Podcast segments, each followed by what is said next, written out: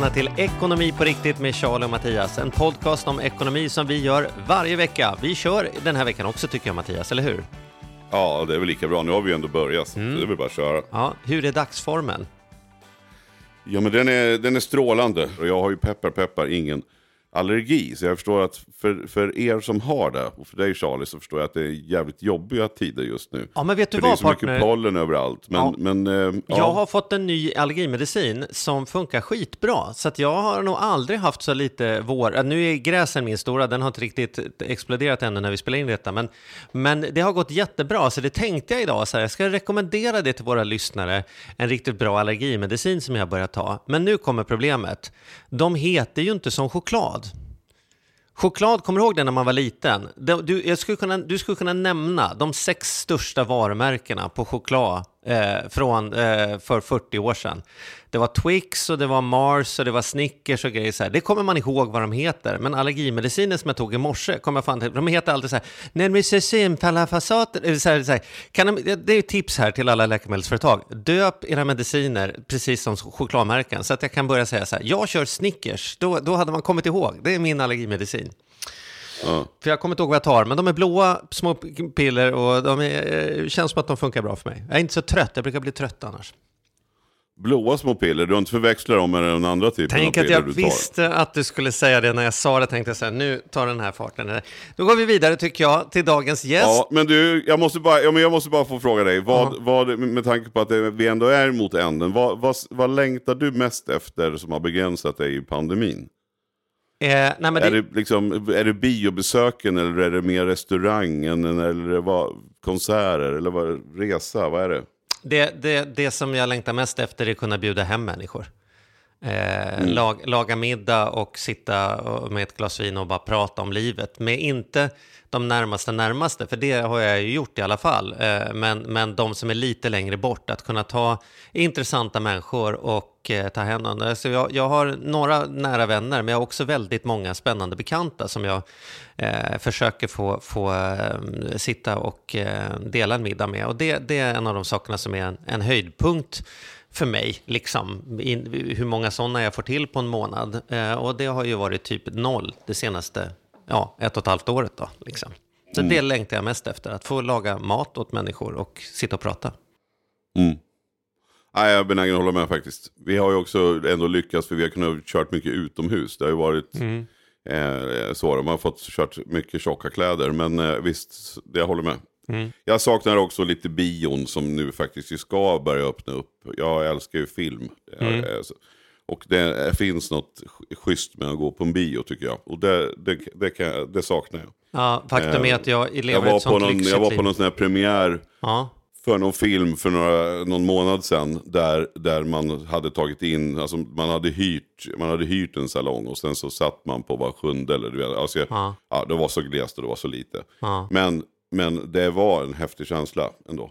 Det är ett är det. tråkigt tips att komma med nu, men vad jag har gjort faktiskt eh, några gånger under den här pandemin, det är att jag har tagit en liten salong och hyrt den själv för familjen. Så jag och Andrea och Primus har gått och sett en film. Det, har, det, det finns sådana där man kan göra det. Det är klart att det är dyrare biobiljett än vanligt, men jag har ju lyxen att kunna unna med det. Så jag har faktiskt gått på bio ett par gånger och jag tycker det bara är bra om det bara är vi i salongen. Slipper man några idioter som sitter med mobiltelefonen och prasslar med papper och, och har åsikter. Utan eh, jag tycker inte film är bäst på bio, men kan jag få en biosalong för mig själv, då passar det mig perfekt faktiskt. Det, Så illa är det. Fan, det lät lite gubbigt. Gubb, Mm. Så är det. Där är jag gubbgrinig. Där är du gubbgrinig. Men eh, nu ska vi inte vara gubbgriniga. Nu ska vi vara, på tal om de här nu då, förändringarna som har skett. Mm. Så är det ju så roligt, eh, just det här med konjunkturer och sparande, börsen. Och vem kan vara bättre att prata med oss om detta än Arturo Arques. Välkommen!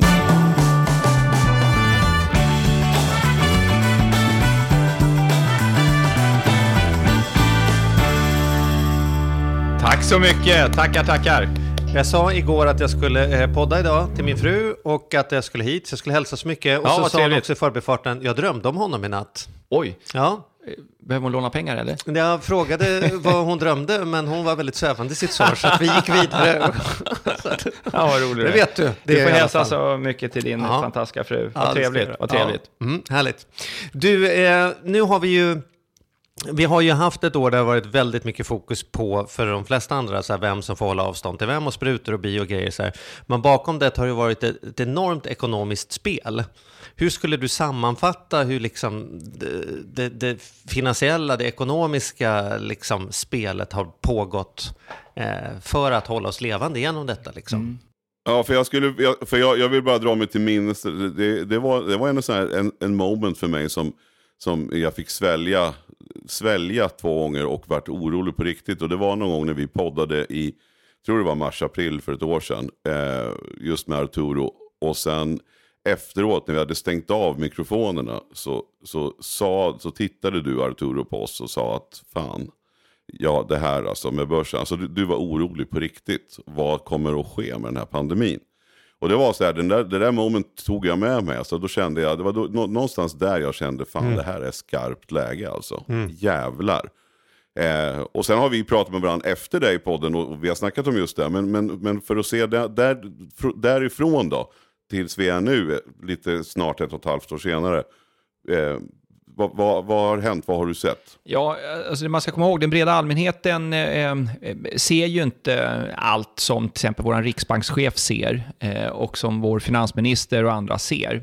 Och det är jag som, jag har ändå varit verksam i över 35 år i finansbranschen. Jag måste ändå ge både vår centralbank och eh, vår regering med finansminister i spetsen ett, ett väldigt, väldigt högt betyg för hur man har hanterat det här. För det hade kunnat sluta på ett helt annat sätt. Sen har det inte bara varit tack vare dem, utan de har haft stödpartier som har hjälpt till och en, en, en, eh, en riksdag också som har förstått allvaret. Och många politiker har ju stöttat de här paketen. Vi ska inte glömma bort att aldrig någonsin tidigare har vi sett en så snabb och häftig eller kraftig konjunkturnedgång som vi såg då. Eh, och vi har heller aldrig sett tack och lov då, då, som ett resultat av det då, då, så kraftiga stimulanser från centralbanken, inte bara i Sverige, och hos oss heter ju vår centralbank Riksbanken, utan även i andra eh, centralbanker runt om i världen och regeringar. Eh, I Sverige har man till exempel satsat över då 420 miljarder i stimulanser. Och det är klart, det där säger kanske inte era lyssnare så himla mycket, men Sveriges statsbudget eh, omfattar ungefär 1000 miljarder. Och när en regering oavsett vilken. Det är alla intäkter och kostnader som Ja, det är balansomslutning kan man säga. Det är liksom budgeten, när ja. de lägger upp en budget. Ja. Tusen miljarder. Och när en regering tillträder, och det gör man ju då på hösten som vi alla vet, då presenterar de sin höstbudget. Och det är den stora budgeten. Det finns en vårbudget också, men det är mer en, en ändringsbudget. Så det är en höstbudget. Och den brukar omfatta ja, 30-35 miljarder och är det mer, då tycker man att den är expansiv, att man satsar. Mm. Och, då, och, om jag säger då det till er och så säger jag då att det senaste året så har man då i samband med höstbudget men också andra eh, vårbudget och sen däremellan mm. senaste året satsat 423 miljarder. Mm då förstår vi allihopa att Jesus Christ vad man har satsat. Och då, det, är, det är liksom som en halv eh, årslön till nästan ja, det är 40 för landet Precis, Sverige. helt plötsligt man ja. satsar 40 procent till då, då mm. eller 40 000 kronor per invånare. Mm. Det är gigantiskt mycket pengar som mm. man har satsat. Och och trots det så är det ju fortfarande många fler som har blivit arbetslösa, eh, många företag som har gått omkull och många som brottas och liksom lever på, på snöret just nu. Mm. Men det har gjorts otroligt mycket. Och ta Riksbanken till exempel, QE, de här tillgångsköpen som man har gjort. För några år sedan så var Riksbankens balansomslutning 450 miljarder. Det är väl en 13-1400 eh, nu miljarder. Man ligger på en stor del av de här statsobligationerna och bostadsobligationerna. Och varför har man Varför För har att hålla ner räntan, för att trycka ja. ner räntan. Så eh, vi, vi ah, liksom, ah, den breda allmänheten har ju är ju lite grann förskonade över de här eh, oroliga och jobbiga signalerna som riksbankschefen ser mm. med sin direktion och som finansministern hör och ser. Och eh, det vi ser, det är ju effekten av alla de här åtgärderna som har dämpat vad som hade kunnat, hur marknaden hade kunnat se ut om de inte hade gjort något, eller i varje fall inte alls lika kraftfullt. Just det, men vad var din då när du, när du tittade allvarligt på oss den där gången då? Vad, vad, vad var du, vad, vad, hade kunnat hänt? Vad, ja, men då, vi hade ju kunnat haft en ränta som hade kunnat vara betydligt högre än idag. Eh, mm. Vi hade kunnat haft betydligt fler konkurser och betydligt, betydligt, betydligt högre arbetslöshet än vad vi har idag. Och eh, då visste vi ju inte eh, liksom vilka åtgärder som regeringen skulle vidta, vilka åtgärder som var möjliga att vidta eftersom vi har den parlamentariska situationen som vi har i Sverige. Vi har ju liksom, jag menar, Socialdemokraterna och Miljöpartiet har ju inte majoritet i riksdagen, utan de är ju beroende av stödpartier, som Centern till exempel, Folkpartiet. Och, så att liksom, det, var ju, ja, det var väldigt läskigt, eh, mm. den situationen. Och tacksamt nog då, då så, så, tycker jag att eh, eh med, eh, med godkänt, eller vad brukar man säga, med beröm godkänt skulle jag säga, har vi eh, sett en finanspolitik och en centralbank som agerat resolut, handfast och väldigt kraftfullt. Skulle vi kunna få några sådana här eh, om det här hade varit en fotbollsmatch, mm. då hade man ju gjort så här att nu ska experterna tur och visa några klipp från matchen och säga här var liksom höjdpunkterna, här var målen. Ja. Vad skulle du kunna säga om den liksom finansiella politiken som har gjorts som du skulle säga så här, det här var de bästa besluten när du kände så här, yes, ja, nu var det mål. Det finns flera stycken. Om vi tar regeringens politik så tycker jag att man höjde taket i a-kassan. Mm. Ehm, och det är också en sån här sak som privatekonom eh, så har vi på Swedbank och Sparbankerna då studerat hushållens ekonomi sedan 70-talet. Och nästan varje år så får man frågan vilka är vinnarna och vilka är förlorarna i samband med höstbudgeten till mm. exempel. Mm. För att då presenterar man vilka skatter vi ska ha och vilka bidrag som ska förändras och sådana saker. Och de som alltid hamnar längst ner och knappt fått någonting, det är ju garantipensionären, de som lever på sjuk och aktivitetsersättning och de arbetslösa. Och ska man vara lite krass då innan krisen så kan man konstatera att alla andra löntagare och många pensionärer har fått det betydligt bättre men inte garantipensionären och som sagt den som har varit arbetslös eller levt på sjuk och aktivitetsersättning. Undantaget är nu när man höjer taket i a-kassan, förvisso temporärt, men man har höjt taket i a-kassan från 25 till 33 000 kronor och det innebär, lite grann beroende på vilken kommun man bor i eftersom vi har kommunalskatter som skiljer sig åt, 4 500, 4 4 500 mer i månaden. Och är man arbetslös och får 4 4 500 mer i månaden, det är en väsensvid skillnad. Mm. Det är skillnad på riktigt. Mm. Mm. Så det är en viktig, ett exempel på, det är ett mål. Liksom ja, där, där skårade man, och jag tror att det var nödvändigt mm. Eh, och viktigt att man gjorde. Och, mm. och det insåg man snabbt mm. och gjorde. Och det är ju inte bara finansministerns förtjänst, utan att de övriga politiska partierna, oavsett parti, liksom stöttade det och tyckte att det var rätt åtgärd. Ett annat är ju det här omsättningsstöd eh, och hyreslättnader, alltså folk som har lokaler och kan få hjälp med eh, bidrag för att kunna betala, eller fastighetsägare som kan få bidrag för att eh, sänka hyrorna då till de som mm. är utsatta. Om du har en frisersalong till exempel, har tappat 40, 50, 60 procent av omsättningen, då är det ju kanske svårt att betala hyran eh, till fastighetsägaren. Eh, och då är det bra att det finns eh, stöd att få då. då. Och även eh, näringsidkare som kan få hjälp om omsättningen har fallit väldigt, väldigt mycket. Mm. Det och, och det har ju kostat, det står ju för en stor del av de här 423 miljarderna, de här åtgärderna som man tog mm. upp nu. Då, då. Mm. Så det tycker jag är några exempel på viktiga saker. Riksbanken... Men, men, men ja. om, om, vi tittar på, liksom, i nuläget då, så, så, är det ju ändå oro. Det, har ju, det är ju ganska oroligt på börsen. Det, det svänger ja, ju nu. Liksom. Absolut. Och, och man, man, ser ju att det kommer att liksom... Eh, ja, men jag pratade med, med någon, någon, någon expert häromdagen som sa att eh, man ska nog inte, liksom, man ska gå in nu så ska man nog ligga ganska balanserat mellan räntor och aktier. Eh, Medan eh, när det har kanske börsen har gått ner, då kanske man ska öka andelen i aktier igen. Mm. Eh, som, som sparare då. Håller, håller du med om det? Ja, jag tycker är man ska där, vara... Liksom? Det finns två aspekter med det här till varför vi ser en ökad volatilitet som det heter. En större rörelse nu, kraftigare rörelse från en dag till en annan. Jag ser just nu att börsen har gått upp ungefär en halv procent just den här dagen när vi sitter och pratar. Igår så föll börsen med 2% och vi ser var och varannan dag att eh, vi ser rörelser på börsen på plus minus 2% Och det är ungefär dubbelt så stora rörelser som vi brukar se på Stockholmsbörsen. Vad brukar det vara tecken på? Att det är på väg upp, på väg ner? Eller det... Sannolikheten för nedgång ökar när volatiliteten mm. ökar. Så mm. det är inte ett bra omen, mm. det vi ser. Å andra sidan så har vi en extremt speciell situation. Vi är liksom i den största, pande värsta pandemin vi har mm. sett liksom i modern tid. Så, och, och, vi har enorma stimulanser. Aldrig någonsin tidigare har, har det liksom tryckt så mycket pengar mm. som det gör nu för att hålla liksom, ekonomin under armarna från centralbankens sida och de stimulanser som vi pratade nyss om då från, från eh, eh regeringens sida. Då, då. Och, och, och, det här, och det här är väl snarlikt i alla länder? Absolut, absolut. Så det har man eh, gjort, ta, tagit i så man kräks, va? Och, och det är på go av goda skäl. Men det som oroar börsen nu och, och som gör att eh, småspararna ska, ska vara liksom lyhörda, det är att eh, de här stimulanserna kommer ju någon gång eh, dras tillbaka. Eh, och det, jag tror att man eh, från inte bara Sveriges sida utan alla andra länders sida kommer att vara försiktiga med att dra undan de här stimulanserna för tidigt. Så att man inte knäcker en eventuell konjunkturåterhämtning, utan man, man väntar nog till att man verkligen ser en ordentlig konjunkturåterhämtning och att den känns solid. Och först då börjar dra tillbaka de här stimulanserna. Det man oroar sig för väldigt mycket just nu då, då det är ju inflationen. Alltså, USA har ju satsat ännu mer än vad man har gjort i Sverige. Eh, och det är klart att eh, då finns ju eh, en påtaglig risk då att många företag passar på då när de vet att hushållen har fått en hel del pengar i sina plånböcker. Att man passar på att höja priser och då kan ju inflationen eh, dra iväg.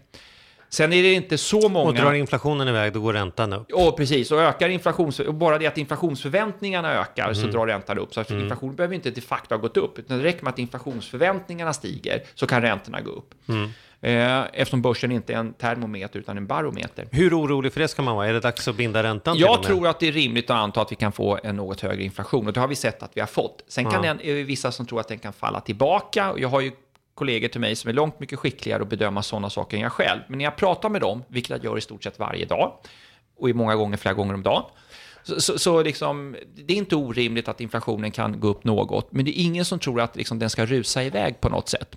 Så att, eh, men, men i och med att börsen är så högt värderad, mm. och du har en annan aspekt också. Högt värderad som att det har gått upp, gått upp, gått upp. Det har gått upp så mycket så under lång mycket. tid nu, då, så att liksom, ja. vi har en hög prisnivå och mm. Eh, vinstmultiplarna är väldigt, väldigt höga på Stockholmsbörsen just nu. Och det betyder att värderingen är hög, allt annat lika. Och det ska den vara med tanke på att alternativavkastningen, det vill säga ränteplaneringar, är så låg. Mm. Så att mm. många tycker liksom att då letar sig pengarna in till börsen. För ska mm. jag ha en avkastning så måste jag ta risk. Mm. Frågan är bara hur mycket risk. Och så är det den ena delen. Men det som är lite speciellt för Sverige, det är att eh, vi har haft en bostadsmarknad som har stigit väldigt, väldigt kraftigt också. Och många ligger med belåning där. Vilket också innebär att man är jäkligt räntekänslig med anledning av sina bolån. Och börsen är ju också räntekänslig. Och vi vet idag att många är lite giriga. Va? Eh, man, eh, när inflationen går ner, då ska ju avkastningskraven sänkas.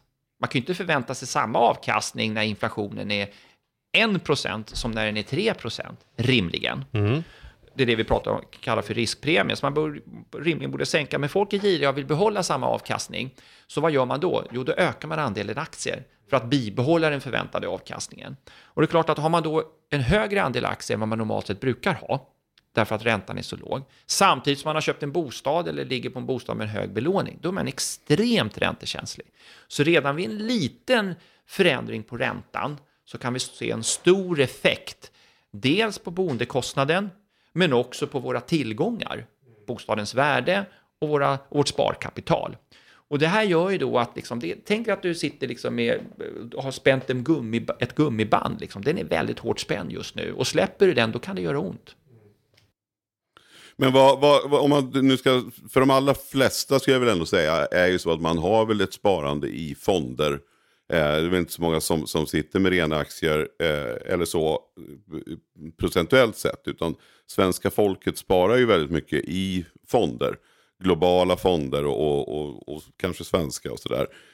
Ska, ska man, eh, vad är tipset till dem? Ska man sitta lugnt i båten och, och se på när det faktiskt kommer gå lite upp och lite ner? Att det kommer att det kommer guppa lite en stund? Eller tycker du att man ska göra något mer drastiskt? Jag tycker man ska göra så här, och det är samma svar egentligen oberoende av när man ställer frågan. Eftersom ingen har en kristallkula, och de som utger sig för att ha en kristallkula, eh, de är charlataner, så se upp. Mm. Det är att eh, utgå från sin riskvilja och sparhorisont. Och en bra enkel regel som jag hoppas att, att era lyssnare eh, tar med sig, det är att en bra utgångspunkt när folk ska placera pengar, det är att eh, eh ha lika hög ränteandel som du är gammal. Så är du 25 år, har 25% räntebärande. Är du 50 år, har 50% räntebärande och resten aktier. Och är du då 65 och ska gå i pension, liksom ha eh, 35 ränteandel, eh, förlåt, 65% ränteandel och 35% aktieandel.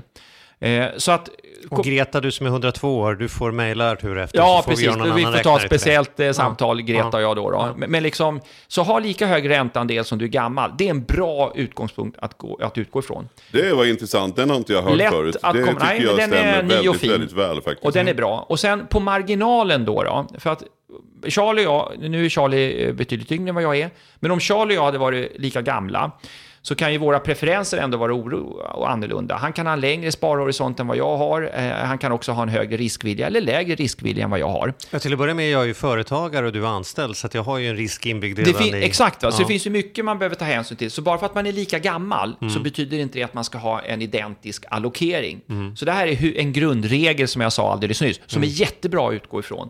Och sen som, som, eh, som nästa steg då så ska man då ta hänsyn till riskviljan och sparhorisonten. Så har man då något högt, ta Charlie och mig som exempel, lek med tanken att Charlie och jag var 50 år båda två. Eh, och, eh, ja men det är ni väl? Det är väl precis... Det ja, jag är 56 är och Charlie är väl inte mer än, ja, vad är du Charlie? 46. 46. Ja. Så att, eh, inte riktigt, men nästan då. Men i snitt är vi 50 kan man säga. Ja, precis, men i snitt så är vi 50. Och, det och kan så, man inte tro när man ser er faktiskt. Nej, men och så kan vi då mycket. tänka sig att ja, men Charlie han är lite yngre, så han har lite längre sparhorisont. Då. Och då kan han allt annat lika kosta på sig en högre andel aktier. Och, och sen säger vi att eh, Charlie till sin natur, och det vet jag inte om jag har fog för att säga, men vi säger och leker med tanken att Charlie är lite mer riskbenägen än vad jag tror och är. Det tror jag är högst rimligt antagande. Ja, så, och, och så, så, kan du lägga på ytterligare en, något högre aktieandel. Mm. Så att från det att vi båda började med 50-50, vilket passade mig perfekt säger vi då, mm. så kanske Charlie ska ha 60-40. Mm. Men, och det är också ett viktigt men, de som sitter och lyssnar nu, jag skulle säga att det här äh, individuella, att riskviljan kan variera från person till person. Sparhorisonten kan variera såklart. Eh, tycker inte jag ska få eh, göra att allokeringen skiljer sig från grundregeln med mer än max 10-15 procentenheter. Och kom ihåg vad jag säger nu. Inte mer än 10-15 procentenheter. Så är äh, eh, Charlie betydligt mer riskvillig än vad jag är och har en betydligt längre sparhorisont än vad jag har med mitt pensionskapital till exempel så ska kanske Charlie då ha max 65% aktieandel när jag ligger med 50. Och det här är så viktigt att säga detta därför att jag vi var ju med nu, vi hade ju en hicka på börsen för, eh, jag är så dålig på kalendern, men ett år sedan lite drygt va? Ja. Och då var det ju, eh, diskuterade vi det och så konstaterade vi att det smartaste är att fortsätta månadsköpa och se över vilka procent ja. man har. Trots det har jag ju pratat med många människor sedan dess som säger samma sak. Man slutade månadsspara ja. när börsen gick ner. Och det här är ju det som, som vi vet, vi som kan någonting om detta, det är det som händer om och om igen, att månadsspara, alltså småspara Småspararna är inte med på uppgången. Väldigt många kloka människor som jag har i mitt liv har inte tjänat en krona på den enorma börsracet vi har haft. Ja. Därför att tack vare den där till tillfälliga dippen som blev mycket rubriker på då, då mm. plötsligt gjorde att man, att man bytte strategi och sen är det inte samma rubrik när det börjar smyga upp igen. Ja. Jag gjorde tvärtom då Charlie och jag ska berätta varför den här regeln som jag sa till dig är så bra. Därför att jag eh, löpande, så, jag menar om man har haft, låt säga att, eh, ta dig och mig som ett exempel igen, Charlie och jag, vi har hälften aktier, hälften ränteband, och så stiger börsen väldigt kraftigt. Då ökar ju andelen aktier. Och när, äh, andelen aktier i våra... Eftersom de blir mer värda de än blir, vad räntegrejerna. Så att även om vi köpte lika mycket så blir det ena mer värt och då ändras procenten. Exakt. Ja. Så mm. att när värdet på aktierna i kronor då stiger så mycket så kommer ju inte fördelningen vara 50-50 utan kanske 60-40 eller 70-30 till mm. Och eh, vad det också innebär, att en portfölj som består till 70% aktier har ju en högre risk än en portfölj som består till, 30, till 50% aktier. Och det är klart att eftersom jag sa inledningsvis då att eh, utgå från din riskvilja och anpassa placeringen efter din riskvilja. Och en människa som har en normal till genomsnittlig riskvilja det kan man översätta till en portfölj som motsvaras av hälften aktier, hälften räntebärande. En sån portföljs svängningar och avkastning överensstämmer väl med vad folk vill säga att ja, men det är normalt till genomsnittlig risk. Mm. Och det är klart att om börsen har gått upp väldigt bra, då kommer inte portföljen att motsvaras av Charlies preferenser längre, utan då kommer den portföljen ha en högre risk än Charlies riskvilja. Och vad gör man då? Jo, då sänker man ju naturligtvis risken i sina placeringar så att portföljens egenskaper överensstämmer med Charlies preferenser. Man gör så, så man, man säljer, balanserar om. Man rebalanserar mm. och det betyder att du säljer efter att det har gått upp. Mm. I våras, för ett år sedan drygt, så hade vi en sättning Samma sak där, om Charlie då låg med hälften aktier, hälften räntebärande, då minskar ju andelen aktier. Helt plötsligt hade jag 40% aktier, 60% räntebärande. Precis. Och eh, vad det innebär också, det är att risken har då sjunkit. Och det är ju inget problem att risken är lägre än hans riskvilja. Problemet är att den förväntade avkastningen på den portföljen kommer ju understiga Charlies avkastningskrav. Och vad gör man för att ändra på det? Jo, höjer andelen aktier. Så säljer man räntor och så köper man aktier? Exakt. Ja. Och då köper man aktier efter att det har gått ner. Mm. Och genom att sälja aktier efter att det har gått upp och köpa aktier efter att det har gått ner, det är samma sak som att köpa billigt och sälja dyrt. Mm. Alla snackar om det, men få gör det i praktiken. Och jag tror många håller på och fipplar med, ska man gå in eller ska man gå ut? Timing. istället ja. för att fippla med, ska jag, ska jag luta höger eller ska jag luta vänster? Så ett stora rådet här är, lägg, bestäm vad du ska ha för månadssparande, behåll det oavsett, oavsett, oavsett. Kör över de pengarna dit det ska oavsett. Och sen så kollar om du ska luta höger, luta vänster på Som din du besiktar bilen va? en gång om året, det går ja. Eh, till tandläkaren en gång om året, så ska du besikta dina pengar. Eh, men, och samma ja, sak med placeringen. och det är jättebra, jag håller med i allt, allt, allt som sägs här. Men, men. men nu pratar vi ändå om, om gemene man som inte har en portfölj med räntebärande och aktier, utan de har fonder. Ja. Bara, ja, men det är ju samma sak. Det, de, oavsett om man kallar det för portfölj eller vad man kallar det för. Ja, så ja, har jag man fattar det. Men hur ska mm. man veta? Hur, hur mm. ser man på en fond då? Liksom, ska jo. man titta på de olika fonderna man har valt? Där? För det är ju samma sak där. Att man kan snarare välja en, en, annan typ av fond med högre risk när man är ung. Och, och, och det är ju liksom samma. Jag håller med om att det är samma. Men jag vill bara att lyssnaren ja. ska mm, förstå. Bra fråga. Jag skulle eh, säga... hur, hur ser man på de här fonderna? Om man nu bara har fonder. Om man nu här, hur, hur, ser man på fonderna om hur, hur, stor procent det är av de här? Och hur tar man reda på det? För jag tror att det är många som slentrianmässigt köpte några fonder på inrådan av bankmannen. Ja. Och sen har man, så tittar man bara då och då och säger ja vad kul nu gick fonden upp. Fast man har ingen aning om vad det är man har för fond. Mm. Då, då är rådet för alla konsumenter då, då att, att de, de två stora tillgångslagen det är aktier och räntebärande. Och du kan ju naturligtvis hålla på och köpa och sälja aktier själv, eh, men du kan också göra det enkelt för dig och köpa en, lägga pengarna i en fond istället. Och så finns det en professionell, eh, ett professionellt förvaltningsteam som hjälper med att hitta rätt aktier och när man ska köpa och sälja och sådana saker. Vilket är, kan vara väldigt praktiskt, inte minst om du ska månadsspara, att hålla på med fonder. Så fonder är bra, men det finns ju mer eller mindre bra fonder. Och huvudgruppen ska jag säga är aktier, eh, aktiefonder respektive räntefonder. Och jag tycker att om man sparar långsiktigt, är ung till exempel och ska spara till sin pension, då är det bra att ha aktiefonder. Eh, men det bygger på att du har en sparhorisont på minst sju år, helst tio eller längre. Då är sannolikheten att du drabbas av en negativ avkastning efter den tiden extremt liten. Men från en dag till en annan så är det ju 50-50 om börsen går upp och på ett års sikt så går det upp två år av tre. Och tyvärr så vet du ju inte om det är år det ska gå ner i förväg. Så att eh, mm. aktiefonder, eh, det ska man ha om man har en lång sparhorisont, tycker jag. Men i takt med att eh, du närmar dig den här dagen när pengarna ska börja konsumeras, då måste du minska andelen aktier. Det här sköter till exempel, om vi pratar pensionssparande, det här sköter ju då staten åt dig via SOFAN. Eh, om du väljer att inte vara aktiv och välja de här fonderna själv, utan då ser de till att minska ner andelen aktier i takt med att du blir äldre och pengarna ska börja konsumeras. Och det där kan man sköta själv om man är, har lite tid, lust och kunskap. Och det första man ska göra är att titta på vad är det för typ av fonder jag har? Är det en aktiefond eller en räntefond? Det finns också blandfonder där förvaltaren gör det här jobbet som, Charlie och jag pratade om. att ja, Här har vi en, bland annat generationsfonder, de som är födda på 60-talet till exempel, vad bör de ha för allokering? Eller den som är född på 70-talet och sådana saker.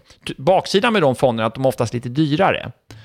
Eh, så, så, har man liksom lite tid, kunskap och intresse så är det kanske lite bättre att man väljer de här aktiefonderna själv. Tre, fyra, fem olika och sen kanske man har någon räntefond eller då använder pengar på sparkonto om det är möjligt. Då, då. Och det här är viktigt. Och en annan sak som jag nu kommer på medan jag sitter med er, det är att pensioner har vi alla. Alla kommer vi gå i, pension och alla har vi då en allmän pension som består av dels en inkomstpension som ska betraktas, viktigt nu att lyssna, som ska betraktas som en ränteobligation, en realränteobligation. Och sen har vi PPM. Och där kan man välja själv. Och där tycker jag att alla lyssnare ska gå in och köpa aktiefonder i PPM. Därför att där är rabatten superhög. Staten har varit jätteduktig på att pressa fondbolagen på pris på förvaltningsavgifter och annat. Så att det är väldigt, väldigt billigt att köpa fonder. Och är det någonstans man ska äga fonder så är det i PPM-systemet. Så jag skulle ha, och jag har det själv, 100% exponering i aktiefonder i PPM-systemet eftersom det är så billigt. Det är den andra... du har så mycket ränta i den andra pensionen. Och i den andra pensionen, som är den stora delen, mm. eh, så, så, eh, så, är det som en ränteplacering. Och det här är viktigt att komma ihåg, för det här är få som tänker på. Nästa del i den här pensionspyramiden, det är ju tjänstepensionen som 90-95% av alla har. Inte alla, och det är viktigt om de som lyssnar nu är egenföretagare att se till, för det får man ju lösa själv då, att det finns en, en pension då. Men vi som är löntagare och anställda då, då eh, vi har oftast en kollektivavtalad tjänstepension och de kollektivavtalade tjänstepensionerna är också väldigt rabatterade, alltså fonderna där är väldigt rabatterade. Så där tycker jag också att man ska sträva efter att ha en hög andel eh, aktiefonder, eftersom de är så rabatterade där. Sen sista delen i den här pensionspyramiden, det är om man behöver komplettera allmän pension med tjänstepension med ett eget sparande. Och då får man gå in på de här bankernas fondlistor. Och då får man betala fullt pris för dem normalt sett. Och det är ju andra priser än PPM och i kollektivavtalade. Och då får man titta på helheten. Och om, om jag var Mattias till exempel och visste att okej, okay, jag har en eh, allmän pension, så här stor, är, eh, eh så här stor andel utgörs av min inkomstpension som är som en ränteplacering, så här mycket är min PPM och så går jag in och tittar på hur eh, tjänstepensionsfördelningen ser ut. Och kvar då, då, det jag ska spara privat, kan ju för vissa innebära att det ska vara hälften räntebärande, hälften aktier, eller 100% aktier eller 100% räntebärande. Det är det jättemånga som missar. Och idag, när väldigt många människor har bostäder, eh, småhus, bostadsrätter med väldigt hög skuldsättning, så är det viktigt att man tar hänsyn till helheten i familjens ekonomi, alltså helheten. Hur ligger jag placerad? Och idag ligger väldigt många med en hög aktieexponering i det privata sparandet, men också sin pensionssparande, samtidigt som man har kanske köpt en bostad nyligen och har en väldigt hög belåning. Allt det där bör man ta hänsyn till samtidigt. Nu har det lite grundskola här för den som, som behöver få koll på pensionen. Det är ju fantastiskt. Du, eh, när vi tittar på liksom, eh, ekonomin i helhet, om vi tittar kortare perspektiv. Och, och, får jag bara lägga till då Charlie, bara så att medan vi stannar där. Gå gärna in på minpension.se och titta. Alltså mm. man loggar in bara med vanligt bank-id så får ni en överblick över ekonomin. Vi har tjatat om det tidigare men jag tycker man inte nog kan tjata om det. Så, så fort mm. det här avsnittet är klart Sök upp en dator eller ta din mobil, logga in på minpension.se och titta hur det ser ut.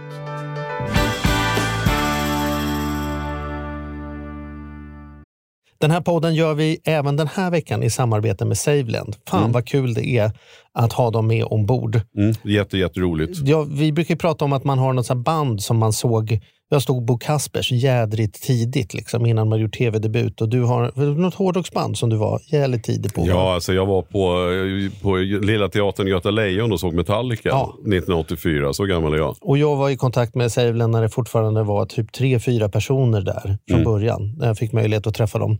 Eh, och nu är de ett stort bolag, fyller tio år, finns på börsen och jobbar helt enkelt med att vanliga privatpersoner och företag kan investera pengar eh, i eh, lån och krediter. Mm. Så man får riktigt bra ränta. Så eh, det rullar på efter tio år, bättre än någonsin. Fantastiskt kul att ha dem med här i podden. Mm. Gå in, testa, kolla. Vi ja. har en kod som gör att om du öppnar ett konto och använder på riktigt får du dessutom en insättningsbonus just nu. Precis, och vill man veta mer så som sagt gå in på saveland.se. Man kan också lyssna på Ludvig som har varit gäst i vår podd två gånger. Då får ja. man en ännu bättre inblick ja. i vad, vad det är de pysslar med egentligen.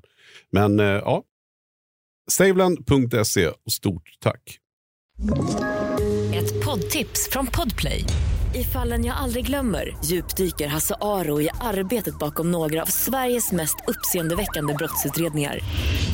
Går vi in med hemlig telefonavlyssning och, och då upplever vi att vi får en total förändring av hans beteende. Vad är det som händer nu? Vem är det som läcker?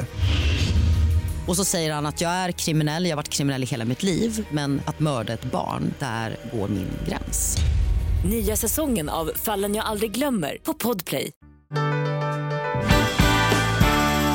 Nej, men jag tänkte, vi var inne här nu på att staten har eh, gjort vad man har kunnat. Man har liksom blåst på glöden eh, som 17 här, 480 miljarder va? 423. 423. Ja. Och de 423 ska ju då, eh, liksom, vi kan inte fortsätta blåsa så, utan de ska bort. Men det ska ju också en inandning här. Man ska på något sätt hämta tillbaka de här 423. Ja. Så att pengar vi har spenderat måste vi spara undan för, för nästa gång då. Så vad kan vi vänta oss framöver? Vilka kommer vara vinnaren och förloraren i, i liksom det här? Och vem ska känna att det finns en öppning och vem ska vara orolig? Och hur ska vi förhålla oss till det som nu kommer att ske sakta men säkert. Då.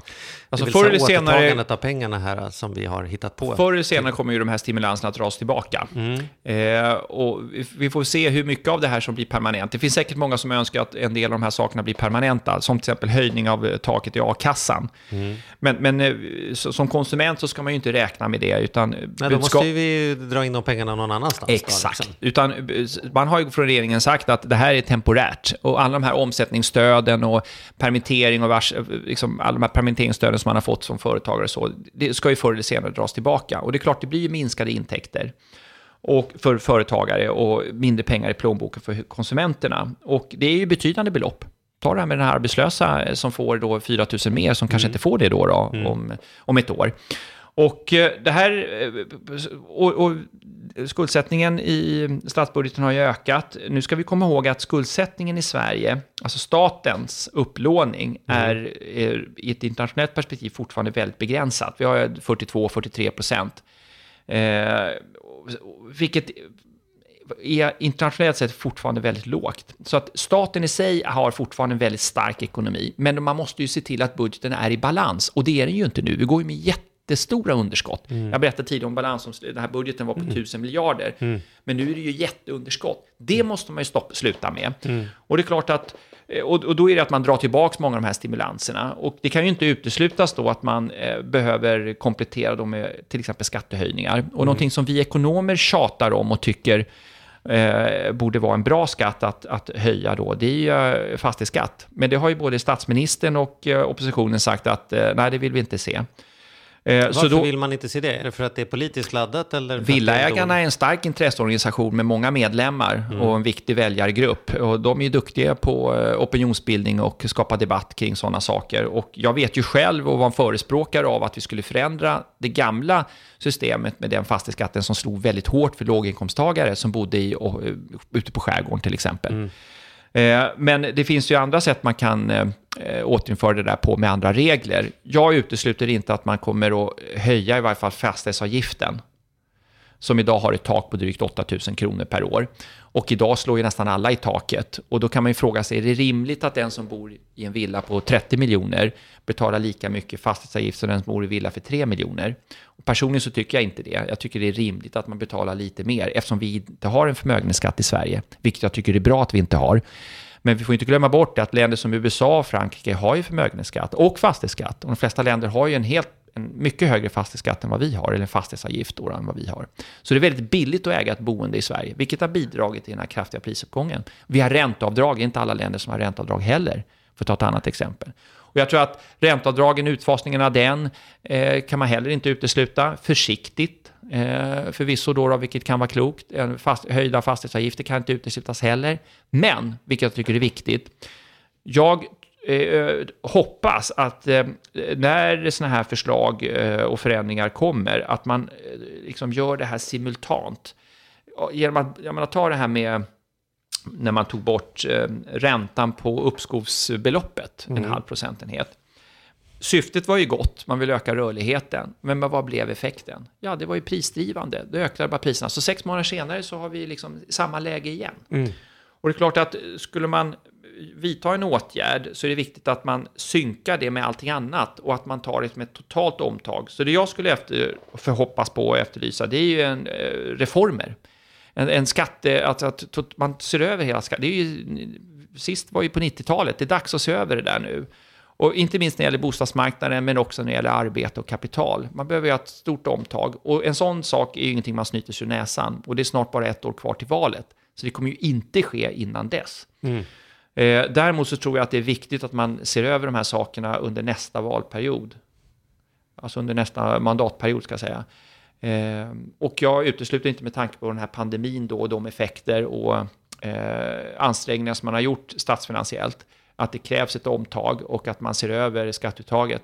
Det är bra om det är mindre skatt på arbete så att vi får ut folk i arbete och att det lönar sig att arbeta mer det är också viktigt att folk får rimliga pensioner, så att pensionssystemet, det pratar man mycket om att höja avgiften så att folk får lite bättre pensioner i framtiden. Det tror jag också är nödvändigt. Det har jag pratat om länge i flera år. Att, så jag är inte förvånad att man höjer från de här 70... Ja. Nej, men, och, och ja, det, det ja, men alltså jättebra. Men om man nu ska försöka summera då hur, hur, för, för oss vanliga, vi, vi gemene man, män, kvinnor. Hur, hur ska man, till skillnad nu då från att nu, har vi, nu är vi snart på väg ur en pandemi. Vi, all den här, alla de här grejerna som vi har fått kommer ju att upphöra och så vidare. Men hur ska man generellt tänka då i sitt egna, liksom, med sin egen privatekonomi? Är det något vi ska vara försiktiga med nu när vi sakta men säkert går ur den här? Liksom, vad, vad kan vi förvänta oss? Ska man hålla igen med, med, med, med verandabyggen eller lägen, alltså köpa möbler? Eller ska man vara extra försiktig tack vare det här? Eller, jag ska säga så här. Eh, den Bra. kloke eh, och den som är eh, privatekonomisk bör ju agera som alltid då. Att planera, försök undvika alla onödiga småutgifter, planera alla större inköp noga. Undvika att låna till konsumtion. Eh, spar först, konsumera sen och om du lånar, se till att amortera. Och, man, och är det någonting vi har lärt oss under corona, se till att ha en sparbuffert.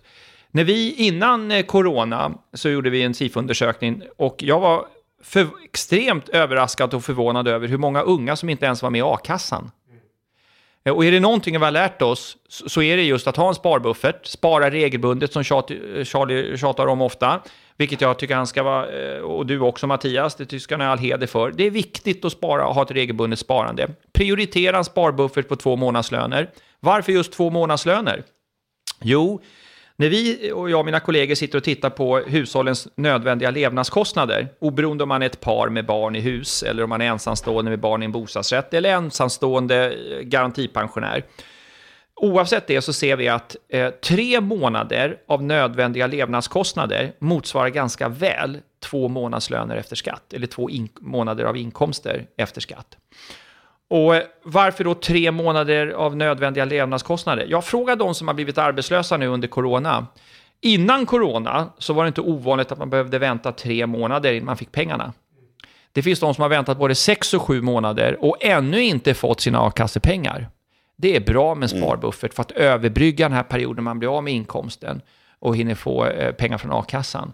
Så, och, och, och, i och med det här då, då så, eh, så, så, tycker du, för alla de här grejerna tjatar ju, tjatar ju vi alltid om. Och, ja. och, och, du som privatekonom gör ju det. Och vi, men, men det finns faktiskt anledning att, att vara att ta de här råden nu, att vara lite försiktig, att ja. vara lite mer om sig och kring sig, att inte vara så vidlyftig när det kommer till inköp, utan nu, nu det kommer att det, det, kan komma att kosta när vi ska ge oss ur den här pandemin. ja, enkelt. det är bra med en buffert. Eh, det är viktigt att ha en buffert och lära sig att det är bra med marginal i sin ekonomi. Ja, allt det här som ni har tjatat om i år, eh, liksom, hela tiden. Jätteviktigt att man fortsätter och verkligen tar in. Och det jag tror är skillnaden mot tidigare, att tidigare kanske ni och jag inte minst har upplevt att det man pratar inför dova, eller döva öron. Men jag tror att är det någonting som alla nu under corona har lärt sig, att det är inte så dumt de här tipsen och råden som ni har tjatat om länge nu, i er mm. podd. Att det här säger inte ni för att ni vill eh, att folk inte ska konsumera. För det är klart roligare att konsumera än att spara. Utan det här säger ni för att ni vill era lyssnare väl. Och det tror jag att folk har fattat nu, att poletten har fallit ner. Att allt det här som ni har tjatat om i podden, liksom, fan det är jävla bra grejer egentligen. Det tror jag att folk har lärt sig nu med anledning av coronapandemin. Och som sagt, eh, jag tror att man, vi ska inte utesluta att eh, det kommer ske förändringar på skatteområdet. Att förhoppningsvis så får vi skattereformer och reformer på bostadsmarknaden som gör att boendet kanske blir lite dyrare, det ska vi nog räkna med. Eh, att eh, eh Medan andra saker då förhoppningsvis kanske blir lite billigare. Men jag skulle inte utesluta heller att man kanske ser över momsen. Det kanske blir lite dyrare att konsumera. Det blir dyrare att bo. Men det blir också lönsammare att arbeta eh, och också fortsatt stimulans att folk lär sig spara till en buffert. Ungefär så på makronivå tror jag att man kan se fördelningarna. Och i kronor och ören, eh, det kommer att vara förhoppningsvis eh, lönsamt att, vara, eh, att jobba. Att, eh, vi har ju sett att man tog bort värnskatten, eh, så den som utbildar sig och eh, jobbar extra inte drabbas av det, eller för hårt, för att man vill stimulera arbete och utbildning. jag tror att vi i fortsättningen kanske får se också att eh, liksom regeringens eh, liksom politi- finanspolitik innebär ett par, tre hundra kronor mer i månaden liksom varje år, men inte så mycket mer. Eh, vissa grupper fick mer i år, andra grupper fick ingenting. Och jag tror att eh, för de flesta i framtiden så ska man nog inte räkna med några hundralapp, mer än någon hundralapp mer i månaden i framtiden i ökad köpkraft, eftersom eh, läget är som det är. Och det är det vi ser om man tittar på våra utspel som har gjort här i samband med höstbudgeten, att det blir några hundralappar för de flesta, men inte så mycket mer. Och det tror jag vi kommer att få se de närmaste, närmaste två, tre åren också. Och vi har ju utsatta jo. människor, men tack och lov har vi ju en stor grupp människor som, i, i Sverige idag, där den där extra två eller tre eller 400 kronorna faktiskt inte gör så stor skillnad mm. på den faktiska konsumtionen. Mm. Man har det man behöver, typ. Och sen så kanske man kan ha åsikter om att det alltid är trevligare att kunna köpa en finare klänning än den man har. Men ja. ärligt talat så är vi ju väldigt många i landet Sverige som faktiskt klarar oss utan att få några ytterligare hundralappar. När vi tittar på äh, våra typhushåll, vi har ju följt som sagt hushållens ekonomi sedan 70-talet. Om man tittar på de olika typhushållen så kan man konstatera att vi är mer och mer på väg in i någon form av tre fjärdedelssamhälle, där tre fjärdedelar har det väldigt bra. Och mm. en fjärdedel har det väldigt, väldigt tufft. Och en grupp som vi inte har pratat om som har det väldigt tufft, det är de arbetslösa. Framförallt de långtidsarbetslösa som blir allt fler. Och eh, när man tittar i den här statistiken på de långtidsarbetslösa så ser vi att det är ju eh, en jätteöverrepresentation av de som är utrikesfödda. Eh, och, och, det måste man göra någonting åt. Eh, den här utvecklingen måste vi stoppa. Och eh, när regeringen gör en konsekvensanalys när man presenterar sin budget, och det här just i år under pandemin var första gången som, som man faktiskt, man har ju fått kritik från regeringens sida, eller internationell kritik då från Eurostat till exempel och EU, att inkomstklyftorna har ökat i landet snabbare än många andra länder. Till Sveriges försvar kan man säga då att vi kommer från en låg nivå, men inkomstklyftorna har ökat väldigt snabbt i Sverige nu inte minst på senare tid nu när börsen har stigit kraftigt och bostadspriserna har stigit kraftigt. Och nu här senast så presenterade man då en budget där man tittade då fördelningspolitiskt då, då och, och, då vill man gynna då de med låg och medelinkomster, då, men framförallt låginkomsttagare. Så att man börjar ta till sig de här sakerna. Och det är viktigt för att ha ett, ett samhälle som inte slits isär. Och en viktig utmaning det är bostadsmarknaden. Det måste man ta tag i. Så där, och där tror jag liksom på, det ska bli dyrare att bo i framtiden. Det tror jag vi som lyssnare här och konsumenter behöver ställa in oss på. Eh, och eh, det andra är att man måste ta tag, på, ta tag i eh, långtidsarbetslösheten. Få folk i arbete, se till att det blir utbildning, att integrationen blir bättre. Otroligt viktiga frågor. För att eh, jag tror det, var 20, det är väl 20 procent av Sveriges befolkning nu som eh, är utrikesfödda. Eh, så att det är en grupp som man inte får glömma bort eller skita i. Eh, vi måste ta hand om varandra. Ja, verkligen. Och det har vi varit urusla på. Ja, verkligen. Eh, ja, det får bli slutorden här. Ni som vill veta mer kan gå in på Artur Arkes for President som en hashtag. Det kommer vi, kommer vi att driva inför valet. Nej, men det här finns anledning. Det är ett starkt ämne och viktigt ämne. Det tycker jag vi ska ta. Det kommer vi att ta upp i en kommande podd mm. helt enkelt. Mm. Ja. Mm. Ja, stort härligt. tack Arturo för att du ville vara med oss igen. Fantastiskt. Det är alltid så intressant att höra dina analyser eh, och med din erfarenhet och kunskap. Så att vi, vi tackar och bugar och ser fram emot ett nytt avsnitt nästa vecka, eller hur Charlie? Ja, och då blir det något helt annat. Ja. Ja, ja det blir det. Ja, det blir det. Ja, Men det tar vi då. Den som, ja. den som lyssnar får se helt enkelt. Ja. ja. Härligt. Tack för idag. Tack. Hej då. Hej, hej.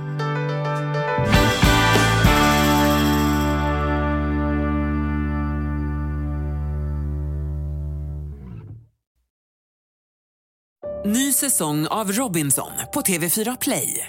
Hetta, storm, hunger. Det har hela tiden varit en kamp. Nu är det blod och tårar. Fan händer just det. det detta är inte okej. Okay. Robinson 2024, nu fucking kör vi. Streama söndag på TV4 Play.